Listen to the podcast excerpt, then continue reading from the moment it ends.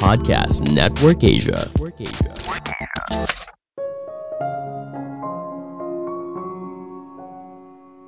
Tidak semua orang mengalami dampak resesi ekonomi yang sama.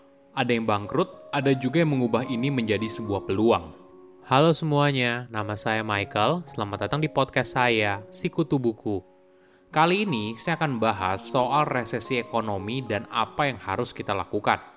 Beberapa waktu belakangan, kamu pasti sudah berkali-kali mendengar kata resesi, entah itu di media massa atau di media sosial. Dunia saat ini memang tidak baik-baik saja.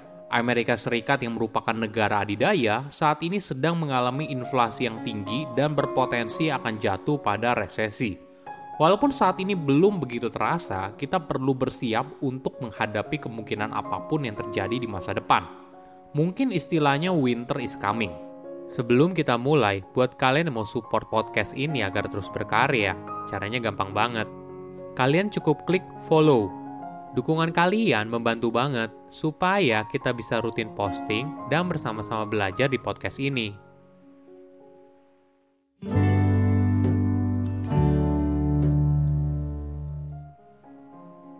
Dunia tidak sedang baik-baik saja.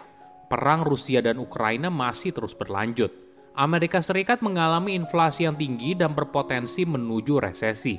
Beberapa waktu lalu, Menteri Keuangan Sri Mulyani memperkirakan krisis keuangan juga akan melanda beberapa negara dalam waktu dekat. Apa sih dampaknya buat kita? Resesi biasanya ditandai dengan tingkat pengangguran yang tinggi, gaji yang tidak naik, ataupun kalau naik itu sedikit sekali, pasar saham atau produk investasi lain yang anjlok.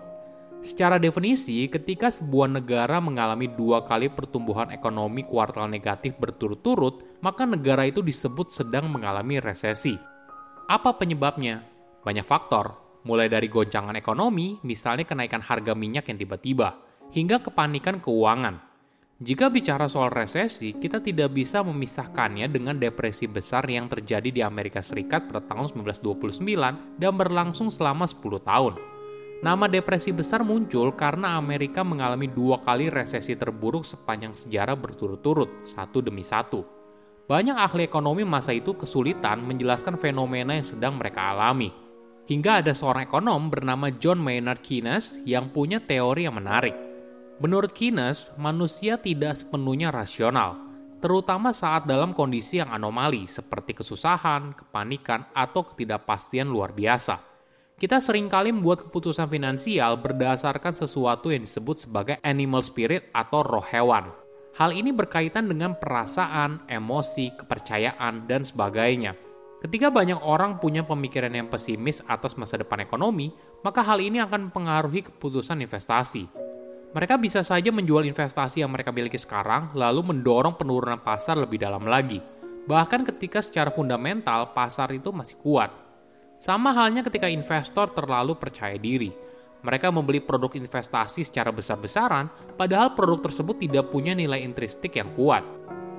Ketika terjadi resesi ekonomi, tidak semua orang punya nasib yang sama. Sebuah riset mencari tahu efek beberapa kali resesi pada berbagai perusahaan publik. 17% dari 4.700 perusahaan mengalami kinerja yang buruk. Ada yang bangkrut, kembali menjadi perusahaan private, atau diakuisisi oleh perusahaan lain. Namun yang menarik, 9% dari total perusahaan tersebut tidak hanya bangkit dalam waktu 3 tahun, tapi bisa mengalahkan kompetitornya minimal 10% dalam hal penjualan dan pertumbuhan keuntungan. Apa yang berbeda? Persiapan. Perusahaan yang bisa bertahan saat menghadapi resesi, mereka langsung berpindah ke survival mode, melakukan efisiensi secara agresif, dan menjaga pundi-pundi pendapatan sebisa mungkin. Mungkin inilah yang membuat kita mendengar banyak perusahaan teknologi melakukan efisiensi, mereka sedang beralih ke mode bertahan hidup. Tidak lagi melakukan investasi atau promosi agresif, tapi fokusnya adalah mencapai keuntungan dan menjaga keuangan perusahaan. Perlu diingat, aturan penting saat terjadi krisis adalah jangan sampai kehabisan uang. Jika perusahaan sampai kehabisan uang, maka semuanya akan habis. Tapi kenapa ada perusahaan yang justru melakukan ekspansi, padahal industrinya sedang terdampak resesi? Mungkin karena perusahaan itu baru saja mendapatkan pendanaan. Ini yang terjadi pada Amazon sebelum terjadi dot-com bubble di Amerika Serikat pada akhir tahun 1990-an. Amazon berhasil mendapatkan pendanaan dan bisa berekspansi dengan meluncurkan Amazon Marketplace, platform untuk penjual pihak ketiga di tahun yang sama.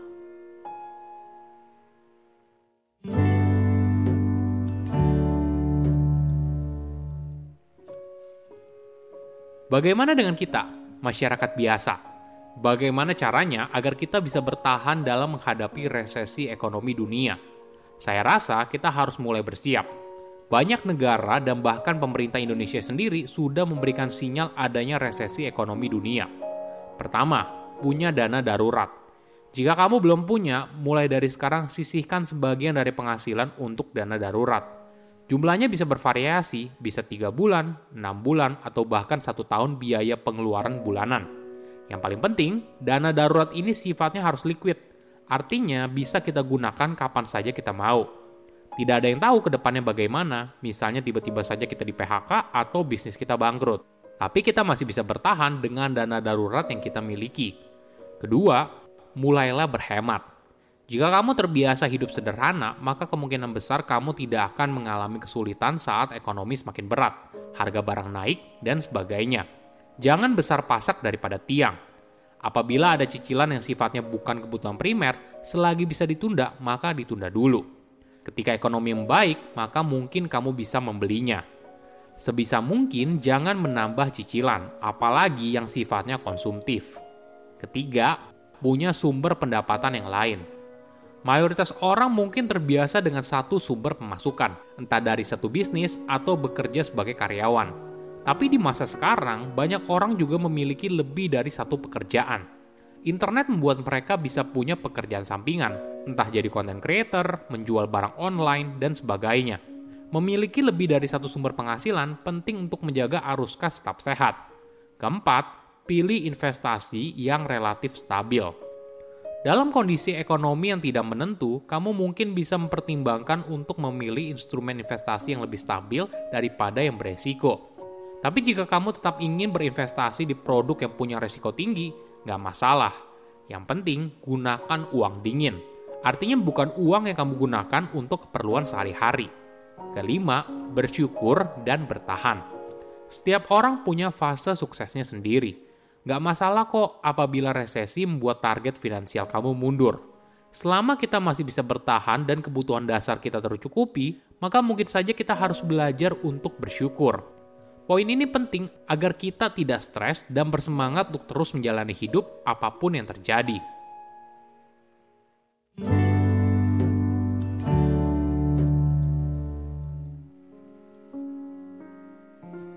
Oke, apa kesimpulannya?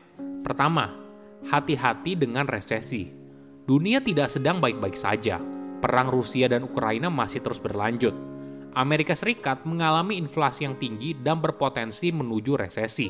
Beberapa waktu lalu, Menteri Keuangan Sri Mulyani memperkirakan krisis keuangan juga akan melanda beberapa negara dalam waktu dekat. Kedua, manusia tidak mengambil keputusan dengan rasional kita sering kali membuat keputusan finansial berdasarkan sesuatu yang disebut sebagai animal spirit atau roh hewan. Hal ini berkaitan dengan perasaan, emosi, kepercayaan, dan sebagainya. Ketika banyak orang punya pemikiran yang pesimis atas masa depan ekonomi, maka hal ini akan mempengaruhi keputusan investasi. Mereka bisa saja menjual investasi yang mereka miliki sekarang, lalu mendorong penurunan pasar lebih dalam lagi, bahkan ketika secara fundamental pasar itu masih kuat. Ketiga, persiapan untuk menghadapi resesi. Mungkin saat ini masih belum terasa, tapi alangkah baiknya kita mulai bersiap. Kamu bisa mulai untuk menyisihkan penghasilan untuk dana darurat, bijak dalam menentukan cicilan yang baru, atau memilih instrumen investasi yang lebih stabil. Saya undur diri, jangan lupa follow podcast Sikutu Buku. Bye-bye. Halo semua, gimana podcast tadi? Semoga kalian terhibur ya. Jangan lupa mampir ke podcast AS Talk Anissa Esther Talk di Spotify bersama aku Anissa Steviani. Di sana aku akan sharing berbagai isu mengenai keuangan, parenting, keluarga, dan isu-isu menarik lainnya seputar kehidupan yang pastinya akan berguna buat kamu maupun teman-teman kamu. Yuk mampir ke podcast AS Talk, aku tunggu ya.